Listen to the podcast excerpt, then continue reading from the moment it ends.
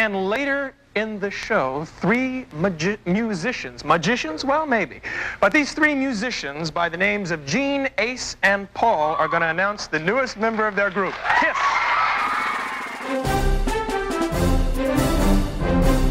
Komiði sæl, þið eruð að hlusta á leikvangavélina og ég er Hergisson.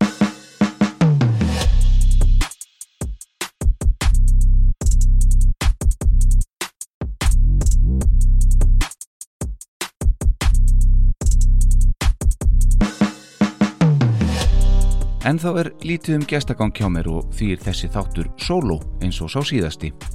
En það er ennþá einn tjekknæski Böttvæsir Búdvar sem býður upp á þetta allt saman.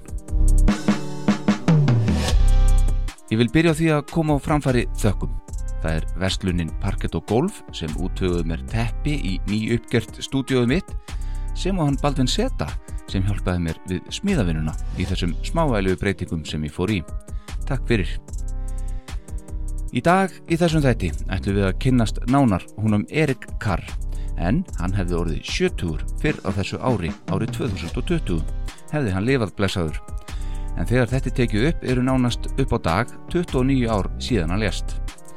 Hann fekk það erfiða verkefni að taka við trommukjónum úr höndum Peter Criss í hljómsveitinni Kiss þegar sá síðarnemdi yfirgaf bandið árið 1980 Hver var þessi frábæri trommari og hvaðan kom hann eiginlega? Yfir þessu lág auðvitað gríðarlega mikið lengt á sínum tíma. En krifjumálið. Help Kiss welcome their newest member. So please give a big hand for the Fox, Eric Carr. Yeah!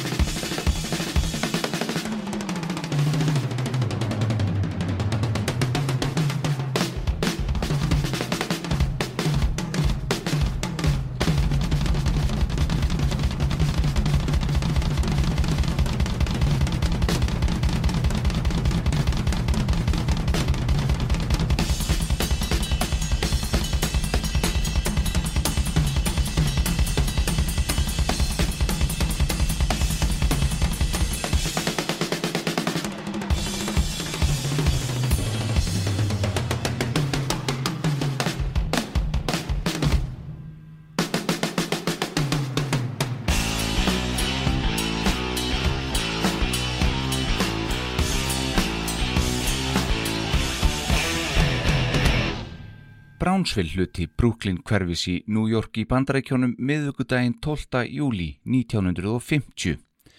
Ung hjón af ítölskum ættum þau Connie og Albert Caravello egnast dreng sem fær nafnið Paul Caravello. Paul Charles Caravello. Paul var frumburður þeirra hjóna sem síðar egnuðust svo tvær dætur. Það er Lorettu og Maríu. Albert, fadur hans, vann mikið og var því lítið heima sem var til þess að þeir feðgar eittu litlum tíma saman og gerðu lítið af því að fara saman á íþróttakappleiki og annars líkt eins og margir vinir hans gerðu með sínum föður. Þessi stað fóru barnsárin hans Pól mikið fram þar sem hann var einn að leikin í herberginu sínu með skrimslafíkurur og leikfangahermennina sína. Mamma hans, Conny, sagði svo frá í viðtali fyrir nokkrum árum að Pól hafði ekki verið nema tveggja ára þegar hann byrjaði að tromma á nánast allt sem fyrir honu varð. Til þess notaði hann annarkvort hendurnar eða jafnvi liti, blíhanda, pensla og annað slíkt sem var með höndunum hverju sinni. Kennari hans í barnaskóla kvartaði einnig undan þessum ávana hans við Conny á foreldrafundum þar sem þetta var farið að trubla kennsluna. Reyndar var nokkuð um tónlist á heimilunu. Albert fadur hans spilaði á trompet og Conny var áhuga óperusönguna. Paul Charles dundaði sér einni mikið við að teikna en hann þótti nokkuð snemma nokkuð lægin við að koma á blað hinnum ymsu fíkurum. Paul var mjög ungur þegar hann hófa þróa eitthvað sem hann kallaði Rockheads sem var einhvers konar rockfígurur og hann teiknaði ítrekkað í skólabekkur sínar. Þessi teiknikáa hans var til þess að hann sótti um í slíkum skóla þá 14 ára High School of Art and Design á Manhattan í New York. Þá var stefna sett á það að verða einhvers konar teiknari með áhersluna á teiknimyndir og teiknimyndasögur. Eftir stutta veru í því fæinu skipti hann reyndar yfir í ljósmyndun í sama skóla þá eftir að hafa tekið ástfóstri við ljósmyndavilina. Þó eitti hann miklum tíma í að drekka áfengi og lagði sig ekki nægilega fram í sjálfu náminu að eigin sögn. Hann og aðrir samnefendur hans eittu heilu tímonum í staðin inn í myrkum framkvöllunarherbergjum í skólanum við drikju þar sem þeir fengu frið fyrir kennarinn sínum þar inni. Þrátt fyrir þetta vil Pól ekki meina að hann hafi verið til mikill að vandraða sem úlingur.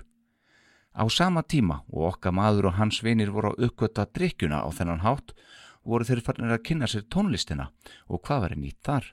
Eitt kvöldið kom svo hljómsveit allarleið frá Englandi fram í sjónvarpinu í þætti Ed Sullivan og þar voru að sjálfsögja ferð The Beatles. Við þetta áhorf fjall Pól killiflatur fyrir trommarónum og þráði í raun ekkert heitar en að einfallega verða sjálfur Ringo Starr. Hann og vinur hans söpnuðu því hári og voru þeir tveir einu strákatinn í skólanum sem voru með sítt hár. Reyndar vegna þess hversu krulla hárið á Pól var, fekk hann ekki hárið til að likja slett niður eins og bílanu voru með það. Þá voru góður á dýr og svaf Pól með nælonsokkaböksur á höfðunu af móðu sinni til að minka krullunar. Þó dugði það ekki alveg til og var því ofanlag notað ósköpin öll af allskins efnum til að sletta hárið á mótnana. Fóreldra hans tóku eftir þessum mikla tónlistaráhuga og þar sem afi hans var í lúðrasveit var hann fenginn til þess að kenna Pól á básunu en það okkar maður farin að byggja um að fá að læra hljófari. En ekki var það það sem hann hafði í huga, reynda aldeilis ekki. Hann hafði engan áhuga á þessu og hugsaði ekki um annað en Ringo og trómunar sem hann sá í þættinum hjá Ed Sullivan. Það má svo sannlega segja að þessi heimsokk bítlana til bandarækina hafi aldeilis haft áhrif á tónlistarsögun eins og við þekkjum hana í dag. Afi hans sagði fóreldrónum að sonur þeirra talaði ekki um annað en trommuleik og ring og starr og þau ættu einfallega að lefa honum að læra á trommunar. Þá kom til þess að móðurbróðir Pól gaf honum eitt sett af gömlum trommukjöðum á samt einni trommu sem Pól trommaði á inn í herbrekinu sínu frá morgni til kvölds. Fljótlega var hann þó farin að byggja fóreldra sína um heilt trommusett til að auka hæfni sína frekar en það líti hægt að spila til lengdar á þessa einu trommu. Úrvarð að fadir hans bauðunum að koma í vinnuna með sér þegar hann væri ekki í skólunum og hjálpa sér við störfin en Albert vann þá við útkerslu fyrir hinn ímsu fyrirtæki. Pól fengi allt þjórfje í sinn vasa og að auki myndu fóreldra hans bæta við að einhverjum aurum til að draumurinn um trommusettið geti orðið að veruleika. Þetta samþykti Pól og eftir örfá skipti í vinnunni með föðu sínum gerist það að þeir eru að keira með fullestaðan bílina vörum fyrir næsta afhettikastað að þeir fara fram hjá lítilli hljóðfæraveslun. Pól bendir þar á trommusett í búðarglögunum og segir dreymin við pappa sinn að þarna sé sett sem hann geti hugsa sér að eignast. Úrvarð að á leiðinni tilbaka komu þeir feðgar við í litlu hljóðfærabúðinni til að skoða settin ánar, aðtóða verðið og þess áttar. Þegar inn var komið sáu þeir að starfsmenn búðarinnar litu út fyrir að vera að pakka saman öllum mununum. Búðin var opinn og allt það, en allt var í kössum út um allt og greinilega stóði eitthvað til. Albert tekur starfsmanntali og spyr hvað sé um að vera. Þarna var eigandi búðarinnar og hann svaraði því til að búðin var að fletja í stærra og hendur á húsnaði nokkrum húsalengjum í burtu. Albert sá sér þar leikaborði. Hann aðtugaði verðmiðan á trommusettunni í búðaglökunum og leitt svo hugsi á vestlunareigandan á ný og sagði svo Ég er á stórum sendibíl og viðfæðgar gætum flutt búðin ykkar en það sem ég myndi vilja fá í staðinn er að sónum minn fáið þetta trommusett sem er þarna í glöggunum að launum. Samþygt. Pól hafði eignast sitt fyrsta trommusett, ekki stórt og mikið en nóg fyrir hann. Settið stóð saman af bassatrommu, sneril og einum rætt. Pól spilaði nú á nýja setti sitt sem aldrei fyrr inn í herbregginu sínu. Hann spilaði sem réttendur og vandi sig á það frá upphafi þráttur að vera örfendur. Pól lærði sennilega öll bítlalögin og loks var hann tilbúin og stopnaði þá á samt þremur vinnum sínum, sína fyrstu hljómsveit, The Alores. The Alores var til og spiluði þeir engungu coverlög í æfingarhúsnaði sínu í litlum kjallara í Brúklinn. Auðvitað voru bítlalögin spilið út í eitt en þetta var svona hálgerð topp 40 hljómsveit, sagði Pól frá í viðtali löngu síðar. Þar sem þeir spiluðu allt sem vinsalt var og gekku upp á skólabölum, hvort sem um var að ræða funk, rock eða country. Pól trómaði með The Allures í um 8 mánuði eða allt þar til þeir breytum takt sem á nafn og urðu að The Sellermen sent árið 1965, þá 15 ára. Þar tók nokk meiri alvara við og spiluðu þeir víða bæði innan Brooklyn sem og í Queens hverfi í New York. The Sellermen sem dregur napsitt án Eva til kjallarans þar sem þeir piltar æfðu starfaði til 1968 og voru nokkuð umfangsmiklir í New York á þessum árum. Fyrir vikið kom að því að þeir fengu lítinn plötusamning, ef svo má kalla, við agnarsmáa útgáfu í hverfinu sem raksitt eigið hljóður, Jody Records, árið 1967. Þar tóku þeir upp demo-EP-plötu sem aldrei kom reyndar út ofinberlega. Hér má heyra The Sellermen frá þessum upptökum flytjalagið I Cry at Night og okkar maður Paul Charles Caravaggio ser um söngin og trómuleikin. Hér má greinilega heyra býtla áhrifin.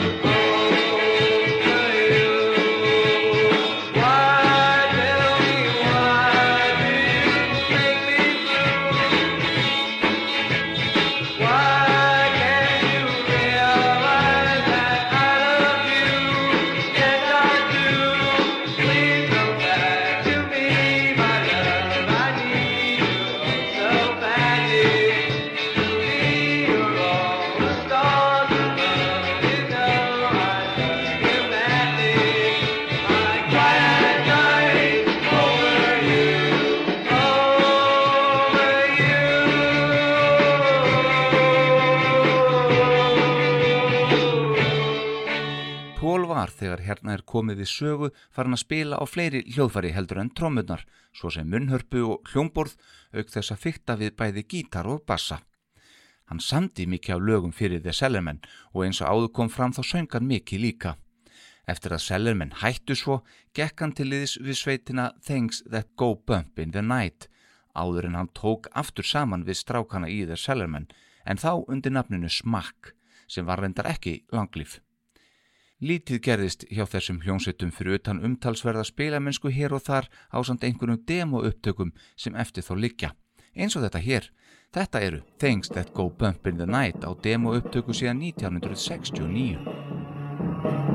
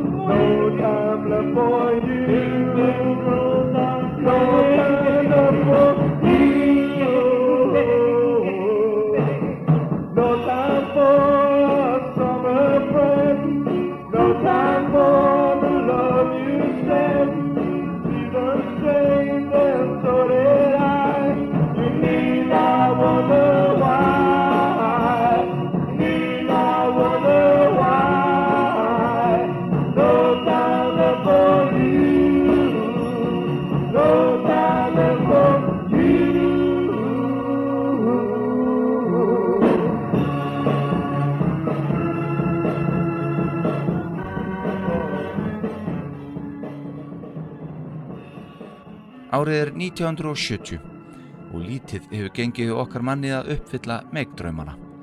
Umfram allt vildi hann lifa á tónlistinni og gekk því til liðs við hljómsveitina Salt Pepper sem trommuleikari og bakrætasöngvari.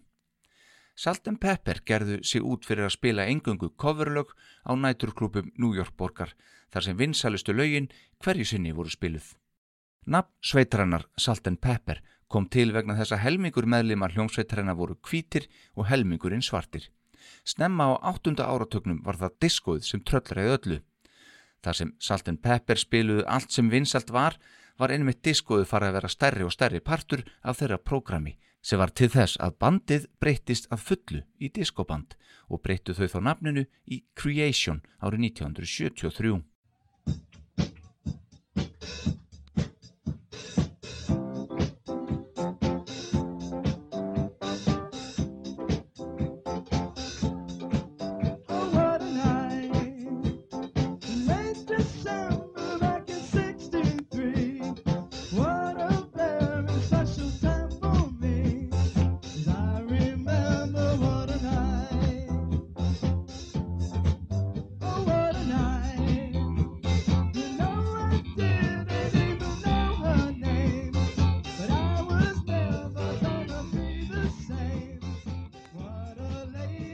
Þarna söng okkar maður lægið What a Night.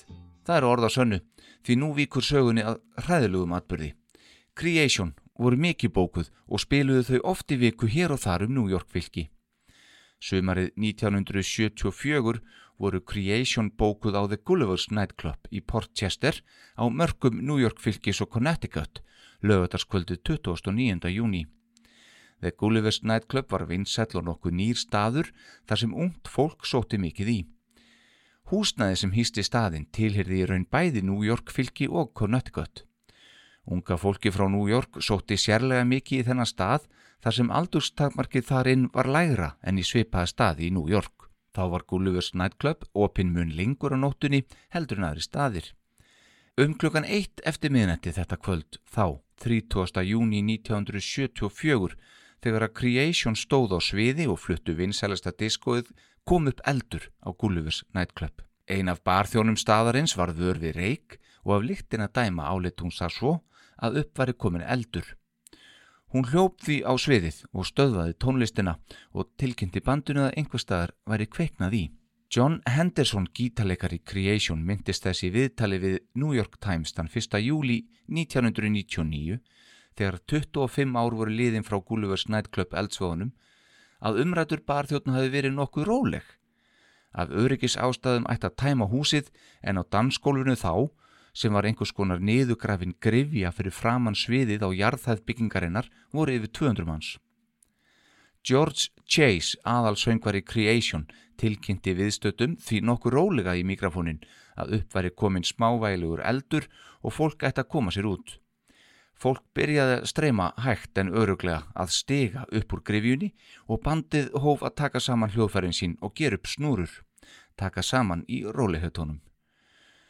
Svo hafið það gerst á sekundubróti að staðurinn einfallega fylltist af reik og múasingur skapaðist þar sem fólk reyndi í skjelvingu sinni að koma sér undan. Reikurinn magnaðist og eldtungur fór að sjást. Allt gerist þetta á augabræði. John Henderson gítalegari komst að lokum út á samt kærustu sinni og talaðan um í fyrrnemdu viðtali að hann eigi sér minningar um að hafa trafkað á fólki sem var undir í öllu fárinu á leiðsinu út. Þegar út var komið fann hann alla hljómsveitarmeðlimi sína fyrir utan tvo. Söngvarinn George Chase og hljómbórsleikari Damon DeSace komist ekki út. Alls letust 24 í Gullivers Nightclub eldsóðunum þetta kvöld þar á meðal fyrrnemdir George og Damon. Flest líkin fundust illabrunnin við stegan á dansgólfinu. Að auki slösuðist týjir til viðbútar. Okkar maður Paul Charles vann hetjut á þetta kvöld þegar hann bar eina af söngkonum Creation meðvitunarlösa á baki sér út úr brennandi húsinu og hlautan mikið lof fyrir.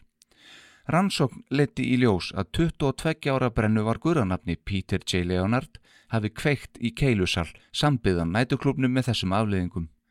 Eftir mikil réttarhöld var hann dæmdur í 15 ára fangelsi fyrir mandrap á gálisi árið 1986.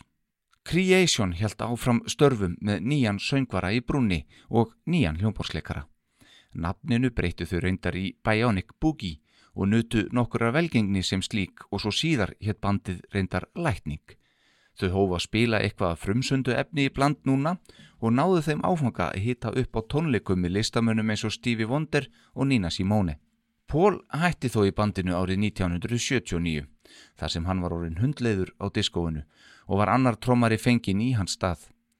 Bandið sem Pól kallaði gott sem fjölskyldu sína í næstum tíu ár hætti svo alfarið störfum síðar sama ár 1979. Reyndar hafði Pól þá spilað með enn minni spámunum, hljómsveitónum Mother Nature og Father Time til skiptis meðfram Creation alveg síðan 1975 en hætti því líka á þessum sama tíma. Í desember þetta sama ár fór Paul Charles í pröfu fyrir rock cover hljómsveitina Flasser sem þá var í leitað trómara.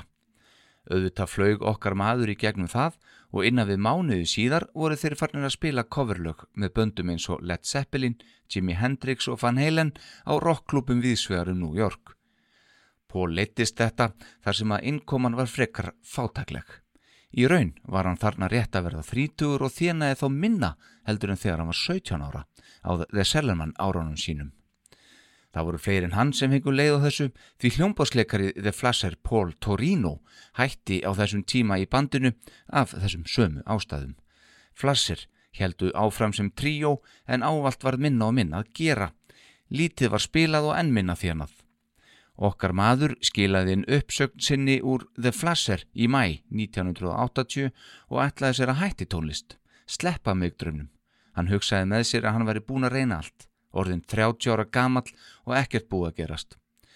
Þessu var greinilega ekki ætlað að fara mikið lengra en þetta. Jú, búið að vera ansi gaman að mestu en nú skal eitthvað hann að taka við. Til dæmis var hann komin vel á skrið með teiknumyndasöguna sínar, The Rockets, sem hann ætlaði sér jafnvel að gera eitthvað meira úr og selja áfram sem myndasögur eða teiknumyndir. Pól ætlaði sér þó að taka eitt gigi viðbót með The Flasher á klubin okkurum í Queens og voru þeir bókaðir þar á miðugudagskvöldi. Á þriðudagskvöldinu mætti okkar maður til að skoða staðin og fá sér nokkra drikki.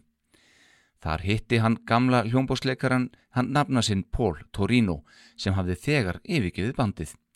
Sá segir honum að hann verði nú einni að fara að koma sér úr þessu skítabandi og bendur honum á að hann hafi séð í dagblæðinu að stórsveitin Kiss væru að leita trommara og áhyrnapröfur stæðu yfir þessa dagana. Hann kvartan til þess að sækja um.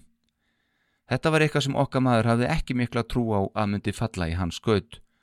Skömmu áður, eða þann 18. mæ 1980, yfirgaf nefnilega einn af stopnmeðlumum hljómsveitarinnar Kiss bandið ofinberlega. Trommuleikarin Peter Criss. I miss the boys, I really do, but I'm extremely happy these days because I think 10 years, I mean, if the Beatles could break up, you know, I could leave something, and I love the Beatles. Right. And leaving, I mean, leaving the band, I thought about it for at least three years now. I mean, it wasn't an overnight decision for me. And it was long coming since when I wrote Beth, and, and I felt so proud of, of having a number one record. It kind of gave me a lot of initiative to, to say, well, man, I could, I could do, I like to do more of that. Mörg hundruð umsokna bárust Kiss í lausa stöðu trommuleikara. Þetta vissi Paul Charles að myndi gerast og hugsaði með sér hvernig það myndi ná aðtegli þeirra. Þá datt honum snjallræði nokkuð í hug. Við erum búin að tala svo litið um diskóið í þessum þætti og Kiss áttu svo sannarlega sitt diskólag I was made for loving you. Það kom út árið 1979 á plötunni Dynasty, nokkurn veginn á sama tíma og okkar maður var að hætti diskóinu til að snúa sér að meira rocki. Þá gekk hann til liðs við Flasher. Nýjasta afurð Kiss þegar hérna komið við sögu, það eru mánaðmóti mæjúni 1980 þegar að trommarastaðan var auglist laus, var platan Unmasked og var nýjasta smáskjána þeirri blötu nákvæmlega þarna, lagið Shandy. Peter trommaði ekki nema eitt lag í hildina á þessum síðustu tveimur Kiss-blötum. Til að mynda var það hinn söður afríski Anton Figg sem trommaði Unmasked plötuna en Anton þessi var síðar þektur sem trommarinn í húsbandun hjá David Letterman í spjallþáttunum hans. Síðasta verkefni Peter Criss með Kiss var hins vegar að koma fram í myndbandinu við þetta lag Shandy en það má segja að á sama tíma sé þetta lag það fyrsta sem okkamaður kom að með Kiss. Snjallaræðið sem Paul Charles flög í hug var að syngja þetta lag og senda þeim á samt ljósmynd af sér og ferilskrá í skær appelsinnigulu umslægi svo það myndi standa út úr í fjöldunum. Hann vissi auðvitað að Pítur hefði sungið mikið allan tíma sinn með Kiss og það hliti því að skipta hina meðlimina máli að hann geti sungið líka. Hann söng því yfir rött Paul Stanley og hér er afraksturinn. Þetta er audition tape frá Paul Charles.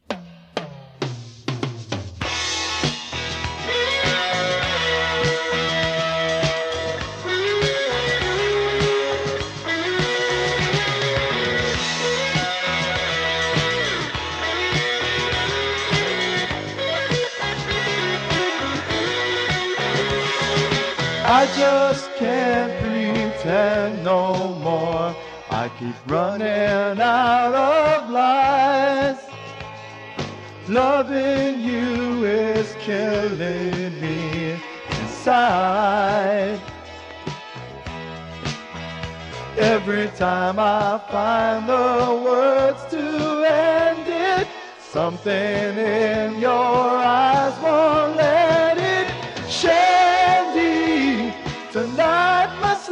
last us forever. Forever, we say goodnight and go home. But you know me very well, and I know you. You can tell me goodnight.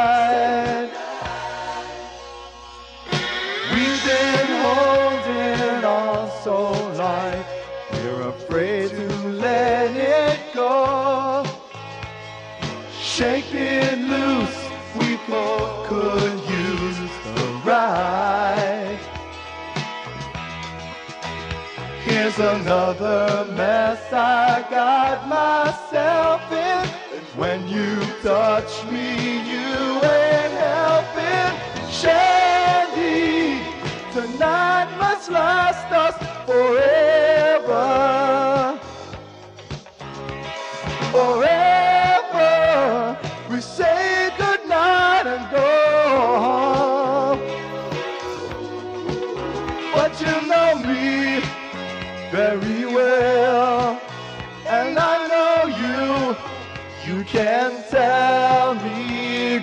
Night. Say good night when you should say goodbye.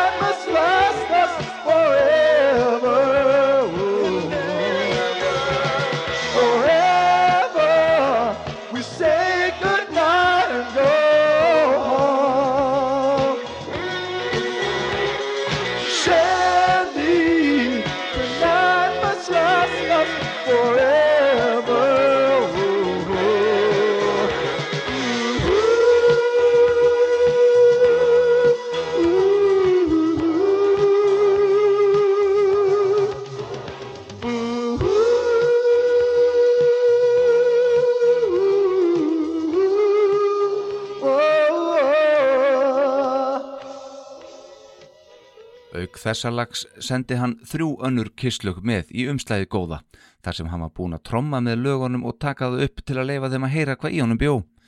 Eitt af því var lagið Torpedo Girl, heyrið þetta.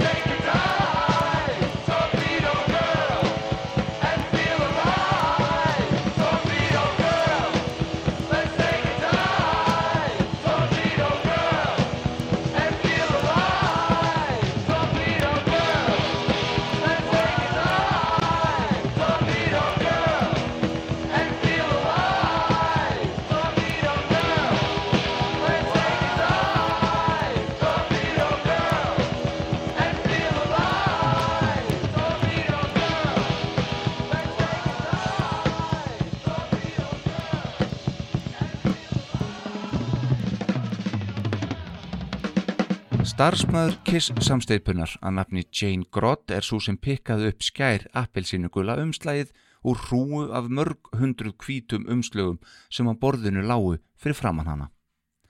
Það var nokkur fjöldi trommuleikara sem voru kallaðir inn í pröfur. Sá síðast í rauðinni var einmitt Paul Charles Caravello. Hann myndist þess síðar að hafa seti fyrir utan salin sem áhörnapröfunar fóru fram í og séð meðlemi Kiss ganga fram hjá ómálaða en fáir höfðu séð það fram að þessu fyrir utan nána vini þeirra, samstarfsmenn og fjölskyldur. Okkar maður sagðist hafa þekkt Paul Stanley strax í sjón en var ekki alveg viss með hérna tvo, þá Gene og Ace. Pröfunar gengu vel. Paul Charles kom vel undirbúinn og búinn að læra lögin þeirra ítalega á samt öllum söngpörtónum hans Peter Criss í hverju einasta lagi. Reyndar tók hann reynlega stjórnina í þessum pröfum og sagði bandinu til hvaða kapli þetta koma næst. Þeir voru búinir að breyta talsvert uppröðum hvers lags fyrir sig enda ný komnir af löngum túr. Reyndar sagði Paul Charles svo nokkurum árum setna að Kiss hafi verið ömurlegir í þessum pröfum. Paul Charles var ekkert sérstaklega mikil Kiss aðdándi sjálfur. Hann vissi vel af þeim og hafði auðvitað hýrt í þeim. En meikdraumurinn var svo sannarlega enn til staður og þetta gigg ætlaði okkar maður svo aldeilis að fá. Í lok áhyrnapröfunar baðan þó meðlimi Kiss um eiginhanda áritannir svona ef þannig færi hann myndi ekki hitta þá aftur. Þeir veittu honum það og kvöttu þennan kraftmikla trómara sem þeir kunnu strax vel við.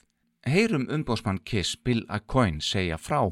Well, it was time. We knew we had to face it. Uh, we had to find a new drummer. Peter was gone. And the trauma of settling in to find a new drummer turned out to be more, more of a chore than anyone expected. Hundreds of drummers we went through. We used to set up a, a rehearsal, a rehearsal hall and had a drummer every half hour. We figured the drummer would play f- for 15 or 20 minutes. We'd have to say hi. We'd have to say goodbye. We'd have to be nice to them. We'd have to shuffle them out and get the next drummer in. So we figured about a, a half hour to 40 minutes per drummer.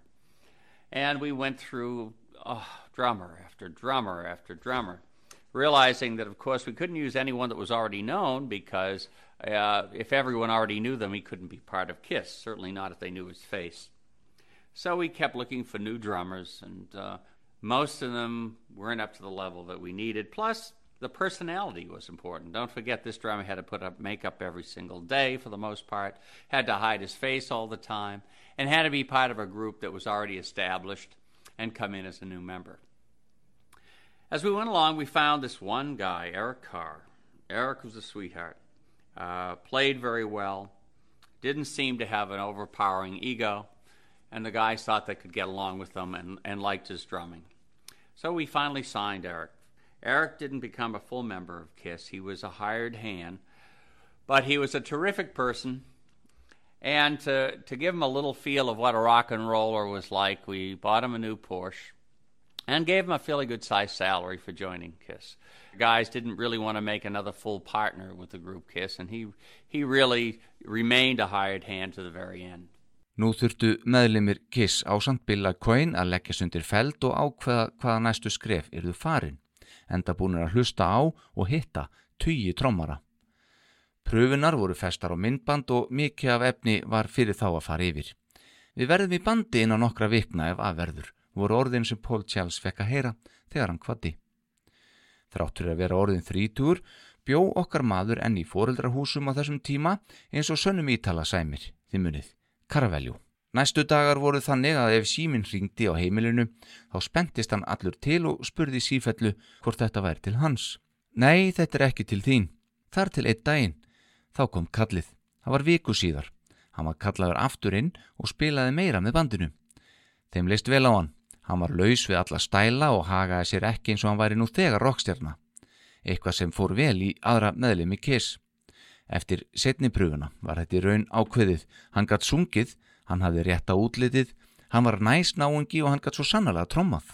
Það skipti Kiss nefnilega miklu máli að fá einhvern inn sem var algjörlega óþægtur. Þeir vildu ekki fá einhvern sem væri búin að túra með stórum hljónsutum og þegar búin að skapa sér eitthvað nafn. Reynsla Paul Charles kom sér vel þarna en einnig svo staðrind að hann hafði aldrei náð að meika það. Það vann sem sagt vel með honum í þetta skiptið. Kiss vildu halda þessari dölúð og leind yfir bandinu og því var Paul Charles tilvalin í hlutverkið. en þarna vissi engin hver lindist undir andlitsmálingu meðlema Kiss.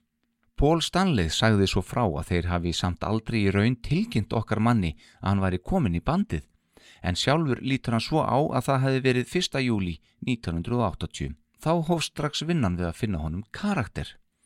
Peter Criss, fyrrum trommari, hafði verið The Catman og sem dæmi var Ace the Spaceman og Gene the Demon.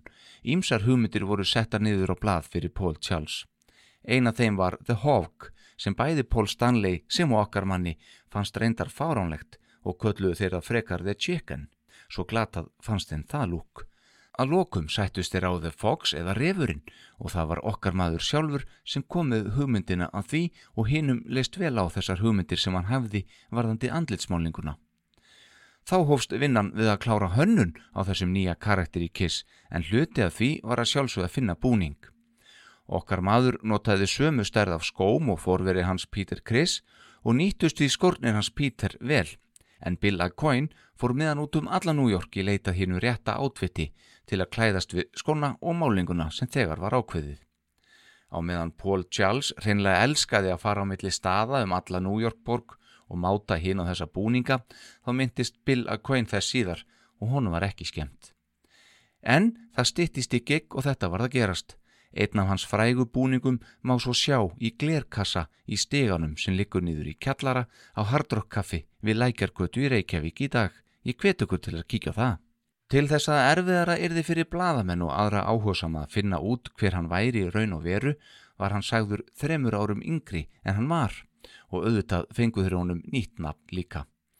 Fyrst datt honum í huga að kalla sig Rösti Bleit en hinnum leist alls ekki vel á það. Þá datt honum í hug nafnið sem flestir þekkjan semi í dag, Erik Carr. Carr tekið af rétta eftirnafni hans Carravello en þar sem Kiss innihjalt þegar eitt pól var þann Erik að fyrranafni. Til að flækja svo hlutina enn meira er gaman að segja frá því að gítarleikari Kiss á þessum tíma sjálfur Ace Frehley heitir einmitt réttu nafni Paul Daniel Frehley. En það er önnu saga þó nátengt sé. Hrinjandin í Erik Carr svipaði nægilega vel líka til Peter Criss þegar að öll nöfnin erðu sögð í sömu setningu. Peter Criss, Erik Carr, voilà. Erik Carr var svo kynntur til leik sem nýji trommarinn í Kiss í júli 1980 og hans fyrsta gig á stóra sviðinu með Kiss var 25. júli á tónleikastannum Palladium sem var þá um 3500 manna staður á Manhattan í New York. Sá staður lokaði svo árið 1997 og húsnaði svo rifið árið síðar. Á þessu fyrsta gigi Erik með Kiss voru foreldrar hans að sjálfsögðumætt, þau Connie og Albert ásamdætrum sínum, sistrum Erik. Þau voru öll búin að fá þau fyrirmali um það að segja alls ekki frá því að sonur þeirra væri í Kiss. Lindin var gríðaleg og þetta þótti þeim erfitt. En þó svo okkar maður, nú þekktur sem Erik Carr, væri genginn til liðs við Kiss-maskinuna, vann hann ennþá á sama stað fyrstum sinn á ráftækjaverkstæði í New York borg á samt föður sínum. Eftir að hafa spilað á Palladium mætti hann til vinnu meira segja og gerði við tæki eins og eldavelar í þónokkur skipti. Það var á þessum fyrstu tónlingum hans með Kiss þarna á Palladium sem foreldrar hans hittu vinnufélaga svona síns rétt áður en tónleikanir hófust. Þeir ráku upp stór augu að sjá gömlu hjónin á Kiss tónleikum og spurðu þeir undrandi hvað þau var eiginlega að gera þarna en þau gáttu auðveldlega skilt sér á bakvið það að vera með dætur sínar með sér og sögðust við vera þarna til þess að fylgja þeim en það væru þær miklir aðdáðandur. Það var reyndar alls ekki rétt en þær voru það núna þar sem að bróður þeirra var nýju trommuleikarinn. Erik Carr fór nú og eðli málsins samkvæmt að eignast tölvert meira af peningum af tónlistinni, loksins. Eitthvað sem hann var búin að reyna síðustu 15 árin eða svo. Hann var orðin launamaður hjá Kiss samsteipunni sem svo kallaður hired gun en það er orð eða nafn sem notaðir yfir þá sem ráðnir eru til svona verka innan hljómsveita Vestanhafs. Platan Unmasked náði hins vegar ekki miklum vinseldum í bandaríkjónum og spiluðu Kiss aðeins þessa einu tónleika við eftirfylgni plötunar þar í landi þegar að þeir komu fram á fyrrnemdum tónleikum á Palladium. Einn af þeim sem segja má að hafi tætt plötuna Unmasked í sig var David Frick hjá Rolling Stone tímaritinu. David segði plötuna vanta alla orku eða kraft sem plötunar undan bjöku yfir. Þá fannst honum mörg lagana hreinlega leiðinleg og spurði hann sig hvort Kiss væru farnir að missa það, missa flugið. Hér má til gamans geta að David þessi frikk er mikill Íslandsvinnur í dag en hann hefur komið á flest allar Æsland erfifsháttíðarnar frá upphafi og gera reyndar enn orðin 68 ára gamall. Unmast náðu þó umtalsverðum árangri í Evrópu og Ástralíu og þangað var förinni heitið næst með nýja trommaran. Erik Carr náði að vinna flest alla aðdáðundur á sitt band fljótlega. Hann var virtur og dáður af þeim og var hann sá sem gaf sér mesta tíman í að gefa eiginhanda áriðtænir og svara aðdáðandabrefum við svegar áður heiminum. Sjálfur hef ég séð slík bref frá honum inn í lokuðum kiss nördahópum á Facebook, skrefuðum á hinn og þessi brefsefni hinn að ymsu hótela viðsegar um heiminn. Erik nöyð sér vel á þessum túr og lifði núna loksins drauminn. Það voru Iron Maiden sem hituðu upp fyrir þá á Evrópulegnum en Ástraljulegurinn var það einu stærsta tónleikaferðalagi bandsins í sögunni til þessa. Lægið Shandy varð ofurvinsalt þar í landi sem og í Nýja sjálflandi og myndi kissæði á þessum túr á sjálft bítlæðið fræga. Svo stórir voru þeir. Erik fekk sjálfur góða dóma eftir þennan túr og var mikið skrifað um að hann væri mun betri trommuleikari heldur en Peter Criss, eitthvað sem ég held að eigi svo sannarlega við röka styðjast að mörgu leiti. Fyrirmyndir hans voru Ginger Baker og John Bonham ásamtöðu þetta Ringo Starr og Marta því skeini gegn. Þegar þeir komu heim eftir túrin rétt fyrir jólin 1980 fekk Erik Carr svo Porsche bifrið að gjöf frá Kiss samsteipunni fyrir velunin störf. Bíl sem var reyndar alltaf að bilað og pyrraði okkar mann mikið, en samt rockstjörnulífið var þar með hafið. Þessi túr var ekki bara fyrsti túrin hans Erik með Kiss, heldur síðasti túrin hans Ace Frehley. Ári síðar var ákveðið að fara í hljóðver á ný til að taka upp næstu plötu. Bob Esrin var aftur fenginn til liðs við þá sem upptökustjóri en hann hafði skilað feiki góðu starfi nokkrum árum fyrr þegar hann tók upp plötuna Destroyer og kom út árið 1976. Nýlega hafði Bob þó verið upptökustjóri hjá Pink Floyd á plötunni The Wall, einni bestu konceptplötu fyrr og síðar. Þeir Gene og Paul vildu gera slíka plötu og fengu stuðning frá umbóðsmanni sínum Bill Aucoin. Ace Frehley var hins vegar ekki jafn samferður um ágæti þess og til að gera langa sögu stutta yfirgaf hann bandið í kjölfarið. Erik Carr hafði hins vegar ekki sama atkvæðisrétt.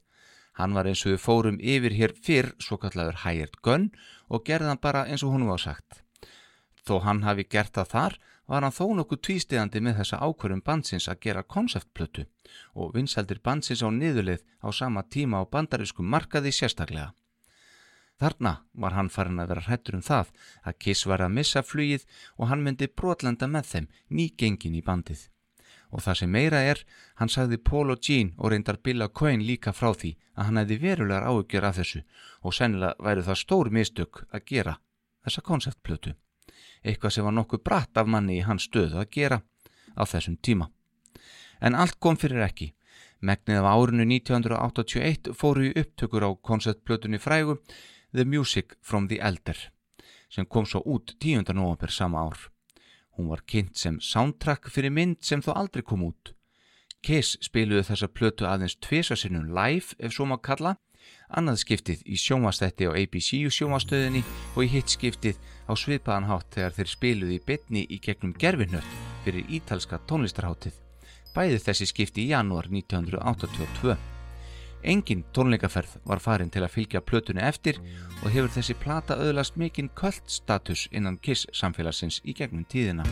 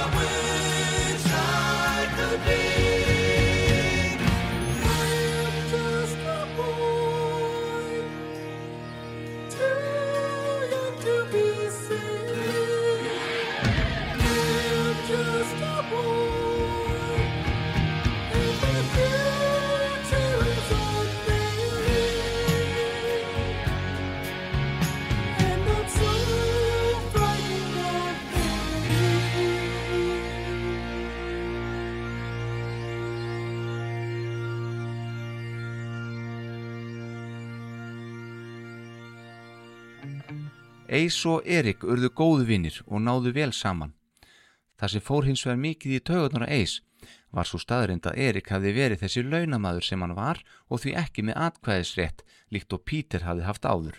Þetta gerði það að verkum að Ace tapaði oft í kostningum með sínu eina atkvæði gegn tveggja atkvæða þeirra Jean og Paul. Leit var hafin að næsta gítarleikara eftir að Ace yfirgaf sviðið alfarið og ofnberlega sumarið 1982. Vinni Vincent var sá sem var fenginn til verksins sem launamaður Kiss samsteipunar auðvitað líkt okkar maður Erik. Næsta plata, Creatures of the Night, var tekin upp í júli til september 1982 og kom svo út 28. oktober sama ár. Þó svo að Ace Frehley hafi verið framann á umslægi plötunar spilaði hann ekki eina nótu á þessari plötu. Það gerðu þeir Vinni Vincent og Bob Kulik á samt öðrum. Þarna sáu þeir Gene og Paul í fyrsta skipti fyrir alvöru að okkar maður var stútfullur af tónlistarhæfileikum, mun meira en nokkuð tíman Peter Criss bjó yfir. Sagt er að Erik Carr spili meira segja bassan í læginu I Still Love You sem komi mynd út á Creatures of the Night en auk þess söngan bakrættir og komi góðar hugmyndir í upptökuferlinu öllu sem margar hverjar hittu beint í mark.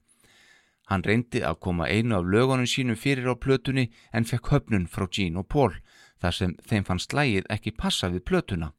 En í staðinn lit Erik sjálfan Brian Adams hafa þetta lag og kom það út á plötu þess síðarsnemda Cuts Like a Knife árið 1983. Vinni Vincent sem hétt réttu nafni Vincent John Cusano var og er feiki góður gítarleikari og lagahöfundur. Með hann haldandi um háls sólogítarsins og með Erik Carr á trommunum voru Kiss tilbúinir í 80s rockið með öllu sínu glisi og glamúr. Fyrst um sinn var Vinni Vincent með andleitsmálingu líkt og hinir. The Ankh Warrior var hans karakter, einhver fyrðulegasta ákvörðin bansins fyrir og síðar. Einhvers konar egífskur stríðsmöður með gildan kross yfir andlitið. Næsta verkefni var að fylgja eftir plötunni Creatures of the Night og var Vinni Vincent kynntur ofnberlega sem arftaki Ace Frehley í desember 1982, þá við upphaf tónleikaferralags þeirra að eftirfylgni plötunar. Þessi túr stóð fram á mitt ár 1983 og fekk hann mjög fína dóma á samt líka plötunni sjálfri, Creatures of the Night. Mörgum finnst þetta vera ein af bestu plötum sveitarinnar. Einnig var hún á þessum tíma sögð alþingsta plata sveitarna til þessa og má án Eva rekja stóran hluta þess til þeirra Eriks og Vinni og þeirra framlags til hennar þar sem tótt þeirra begja var þingri en Gene, Paul og Kiss aðdáðundur höfðu vanist til þessa. Til dæmis kynnti Erik til leiks í fyrsta skipti innan herbúða Kiss svo kallan doppelkick sem hann notaði óspart á tónleikum þar sem hann skartaði einmitt tveimur bassatrömmum sem þótti ansi hefði á þessum tíma. Þá var hann sennilega með eitt stærsta trommusett í kringu sig sem sögur fara af. Mun stærra en fyrsta settið sem hann fekk úr litlu hljóðfæravesluninu um árið. Googlið þetta bara, stórkoslusjón. Og heyrið hvað þetta er stórt.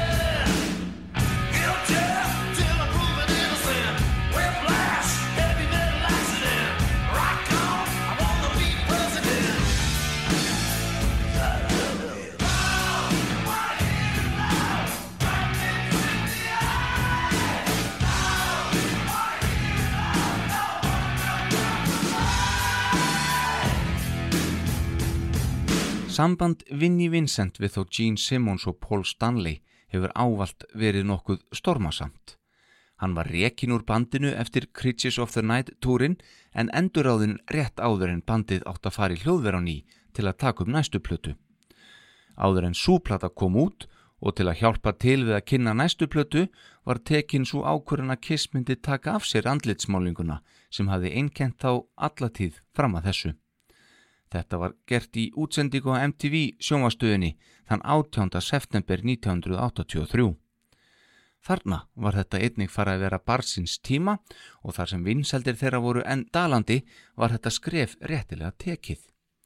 Lick It Up kom svo út 23. september þetta ár, 1983 og fekk gríðarlega góðra viðtökur og rók seldist. Túrin var mikil áskorun fyrir bandið og þá sérstaklega Gene og Paul þar sem þetta var fyrsti túrin þar sem þeir voru ómálaður. En túrin gekk vel og stóð yfir vel fram á árið 1984 og er ekki bara þeirri markasetningu að þakka af að þegja af sér málinguna, heldur varð titillag plötunar gríðarlega vinsælt og hér var tótt þeirra orðin enn þingri en áður. Aftur í hljóðverið sumari 1984. Kiss spörkuðu vinni Vincent í burtu á ný og maður að nafni Mark St. John var fengið inn í staðin. Mark þessi er eiginlega óskrifa blað enn í dag. Hann gætt vel spila á gítarin svona framan af þið minsta en hann kom aðeins fram á þessari einu plötu sem bar nafnið Animalize og leitt dagsins ljós í september 84. Eftir aðeins þrenna tónleika þurfti Mark hins vegar frá að hverfa og hefur þetta ávalt verið nokkus konar mysteria meðal Kiss aðdáðanda. Einhverjum veikindum var kentum en það hefur raun aldrei verið staðfest almennilega. Mark St. John var rekinn á miðjum Animalize turnum og Bruce Kulick, yngri bróður Bob Kulick sem kom við sögu hér fyrr, var fenginn í staðin. Mark St. John lest svo 5. april 2007. Svona gekk þetta í þá daga. Kiss samsteipan gekk þannig að gerð var plata og farið var á túr. Komið var heim og gerð önnu plata og aftur farið á túr. Þetta líkaði Erik Carr vel og hreinlega elskaði þetta líf. Hann gerði þó þau barnalegu mistök á einhverjum túrnum að treysta kvenkins atvinnu ljósmyndara sem hann hefði bóðið upp á herbyggið með sér til að taka af sér nektarmyndir gegn því að hún myndi lofa að byrta þær ekki, sem að hún sjálfsög gerði svo. Þetta var leksija sem okkar maður þurfti að læra af og taka á kassan, en það gerðist þetta ekki aftur, en úr varð mikið bladamál eins og lög gera ráð fyrir. En hans bestu móment á þessum tónleikaferðalögum voru þegar hann fekk sinn eigin tíma á sjálfum tónleikonum til að taka trommusólu við góðar undirtektir þúsunda öskrandi aðdáðanda. Okkar maður á heimavelli. Draumur Paul Charles eða Erik Carr var orðin að veruleika og í ofanlag var Gene, þessi mikli businessmaður sem hann var og er, komin í málið fyrir hann að reyna að selja teiknimyndasögunar The Rockets sem hann var búin að vera að þróa. Hann ætlaði að selja þetta fyrir hann áfram til fyrirtæki í þessum bransa og til að mynda voru Hanna Barbera áhugasum á tímanbili en engir samningar náðust. Gene gerði þó víst sitt allra besta enda urðu þeir mikli vinir alla tíð, hann og Erik okkar. Kissvilin matlaði áfram þrátt fyrir minni áhuga frá Gene Simmons á tímabili og var það sérstaklega vegna kvikmyndaverkefna sem hann tók að sér. En næsta plata, Asylum, kom út í september 1985 og nú með vinn leikfangavilarinnar með sologítarin, Kulick. Eftir nokkuð örar breytingar á meðleimaskipan bansins síðustu árin náði þessi mönnun með þó Paul, Gene, Bruce og Erik að halda sér næstu sex árin. Túrin sem þeir fóri í kjölfar útgöfunar á Asylum fór allur fram innan bandaríkjana þetta skiptið. Þessi túr var nokkuð illa sóttur og í staðin fyrir að spila á stórum leikfengum líkt og þeir gerðu árum áður voru þeir bókar á mun minni staði. Til að mynda seldu þeir aðeins 1900 miða í Hammond Civic Center höllin í Hammond, Indiana en þessi höll tók þó tæplega 5000 manns. Þrátt fyrir að platan hafi geimt nokkuð vinsætt lag, slagaran Tears Are Falling, má segja að Kiss hafi þarna verið í dauðakipunum. Crazy Nights var næst í rauðinni og nú var að dugað að drepast. Crazy Nights platan geymir fyrsta lægið sem Erik Carfex skráð á sig sem meðhöfundur en þeir Bruce Kulick höfðust þá sami saman lægið No No No heima hjá Erik í New York borg eitt kvöldið. Sökum þess að Gene var svolítið mikið frá við að sinna öðrum verkefnum í aðdraðanda upptakan á Crazy Nights fekk lægið þeirra pláss á plötunni sem kom út í september 1987 og fylgdi henni vel hefnaður túrum heiminn. Titilægið naut mikill að vinselda um allan heim og fersinum Evrópu komið þeir við hér á Íslandi og spiluði reyðhöllinni í Víðidal þann 30. ágúst 1988, fyrsta og eina skiptið sem Kiss hafa komið fram hér á landi. Bandið gisti þá á Hótel Sögu og hitti fyrir aðdáðandur sína og veitti einhanda áritanir á veitingastanum Hard Rock Café sem þá var í kringlunni. Eins og Bruce Kulik sagði frá í viðtali við leikangavélina um daginn slettist eitthvað upp á vinskapin á milli Paul Stanley og Erik Carr á þessum túr. Bæði Kulik og Stanley hafa síðar sagt að hann hafi verið upptekinn af þeirri staðrind að hann væri ekki upprunlegi trommuleikari bansins. Erik hætti að tala við Paul Stanley og þannig gekk þetta í einhverja mánuði. Það var eitthvað ángra okkar mann, en Stanley hefur auk þess sagt síðar meir frá því að Erik hafi drukki meira en áður á þessum túr og hann gruni sterklega að hann hafi verið farin að nota talsvert af eiturlifjum líka. Eitthvað sem að Erik Carr var þó aldrei verulega þekktur fyrir. Stanley þurfti um miðjan Crazy Nights túrin að brjóta ísin á hljómsveitarafundi sem gekk furðuvel og Erik opnaðist upp á nýtt og ástandi lagaðist þeirra á milli sem var gott því að lofti var orðið ansið þungt þeirra á milli og var sem dæmi Bruce Kulik verulega var við það eins og kom fram í þessu fyrrnemda viðtali við hann í leikvanguvilni í april fyrra þessu ári, 2020. Þetta ár, 1988, var gott fyrir Erik að því leitinu til að hann kynntist á kærustu sinni heitelskuðu. Þeir eru 18 ára feguradís Carrie Stevens þegar að Kiss voru að spila í Memphis. Carrie hafði þá farið út með vinkonu sínum og var á hótelbar nokkrum þegar hún heyrir Erik talaði einhverja um að hann vanti far á ákveðin stað þar sem hann ætlaði að fá sér nokkra drikki. Carrie gekk til hans og kynnti sig og sæðis geta kert hann. Úrvarð og þau skemmtu sér saman þetta kvöld og upp frá því urðu þau par og lifðu hamíkisum til æviloka. Æviloka annars þeirra. En í millitíðinni fór Karri með á nánast öll tónleikaferðalög sem hann fór á með bandinu sem eftir var, þar sem þau prófuðu að rústa hótelherbyggju og fleira til að þau kæmust upp með það eins og aðra rockstjörnur. Tvær sapplötur fylgdi nú í kjölfarið og önnur þeirra geimdi þó nokkur ný lög. Það var platan Smashes, Trusses and Hits sem kom út í lokárs 1988. Á henni má einni finna hitt frægalag Beth sem fyrrum trommari Kiss gerði ódöðlegt á sínum tíma en nú í flutningi Erik Carr sem fyrir góðum höndum um lagið. Stórfíntaleg. Við upptöku á þessari útgáfi af Beth var notað sama hljóðver og Peter notaði um árið auk sama undirspils. Erik var einmitt með svipaðrödd og Peter, svona nett ripna.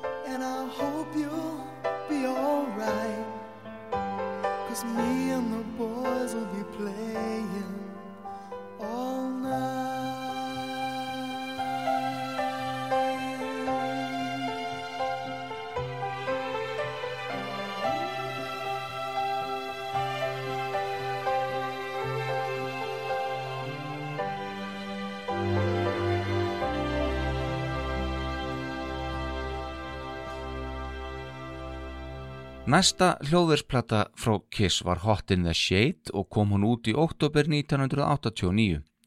Hot in the Shade var tekin upp sumarið 89 í Fortress hljóðverinu í Hollywood. Gene fór á stúfana á samt okkar manni og skoðuðu þeir fjöldan allan á hljóðverum áður en Fortress hljóðverið varð fyrir valinu. Platan var þó unnin á afar sérstakanhátt. Allt var byggt utan á demo upptöku sem bandið átti fyrir í stað þess að fara inn og taka upp heila plötu í heilu lægi. Þetta skilaði sér að sjálfsögði verra sándi en menn átt að vona. Þó gerðu lög eins og Forever og Hide Your Heart nokkur góða hluti. Erik samdi mikið af lögum á tíma sínu með Kiss þó ekki mikið af því hafi komið út með bandinu. Hann einfallega kom því ekki að af ymsum ástæðum. Hann var samt dögluður að taka upp Ímis demo þar sem hann trommaði og söng á samt því að spila bassan og fekk vanalega vinsinn Bruce Kulick til að spila gítaranna. Þessar demo upptökur voru árið 2000 gefnar út af fjölskyldu Erik Carr undir nafninu Rockology. En Erik kom þó alltaf einhverju að. Á plötunni Hot in the Shade má finna lag sem hann bæði samdi og syngur og heitir Little Caesar.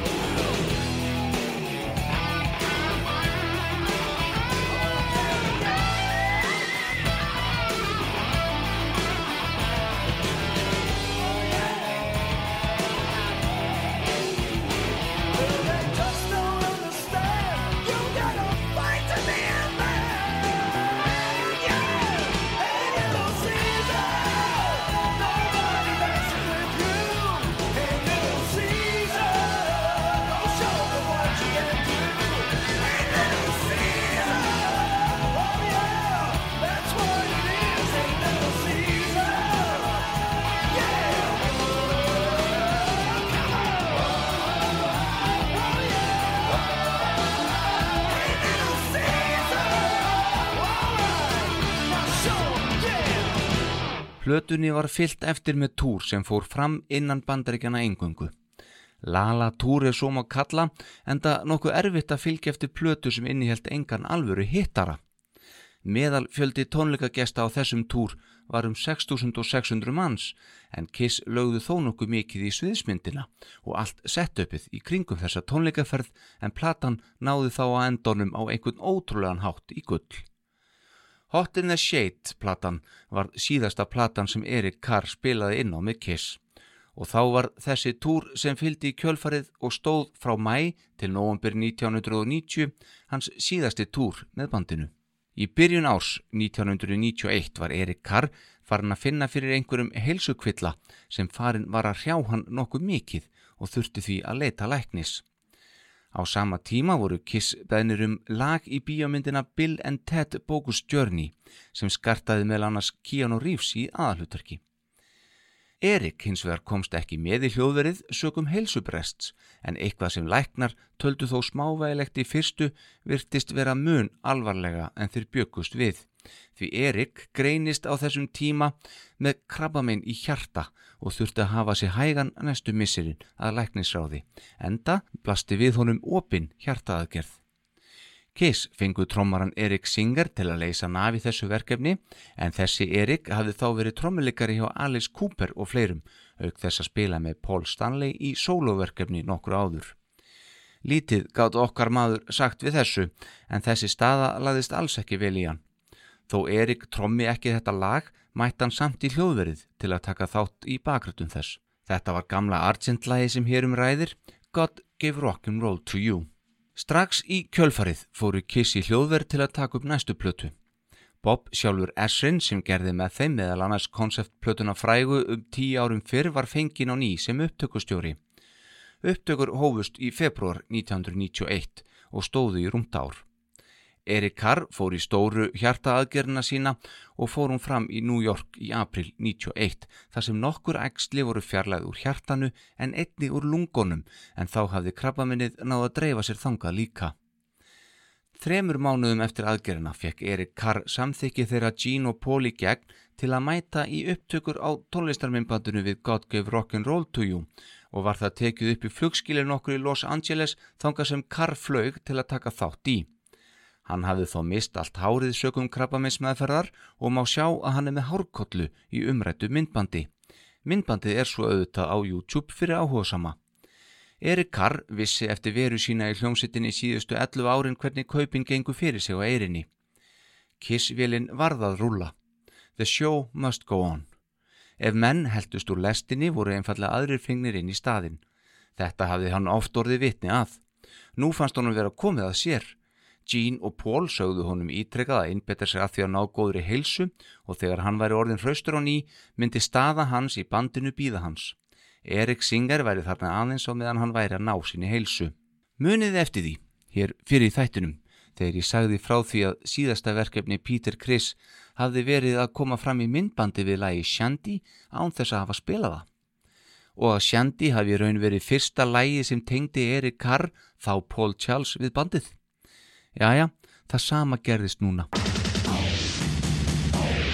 Kiss drummer Eric Carr died of cancer at age 41 in a New York hospital.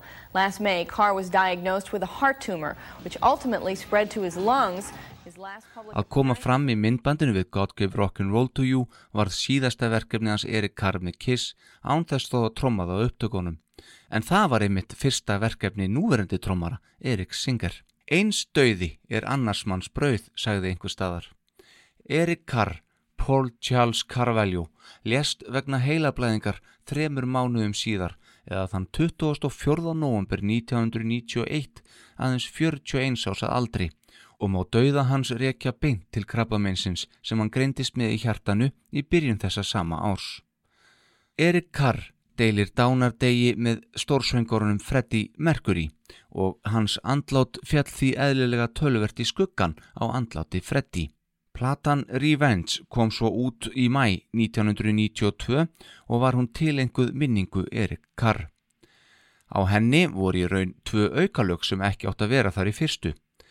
Carr Jam 1981, trommusóló sem Erik hafi tekið upp skömmu eftir að gengi til liðs við Kiss og við heyrðum í upphæðu þessa þáttar og ég man reynilega ekki eftir því að annað eins trommusóló hafi nokkuð tíma verið hljóðrita áður í hljóðveri en það var tekið upp af einmitt Bob Ezrin þegar að konceptplattan Music from the Elder var tekin upp. Hittlægið er svo auðvitað umrætt God Gave Rock'n'Roll to You, hans allra síðasta afkoma af hljómsveitinni Kiss á sinni lífsleið. Erik egnaðist aldrei börn.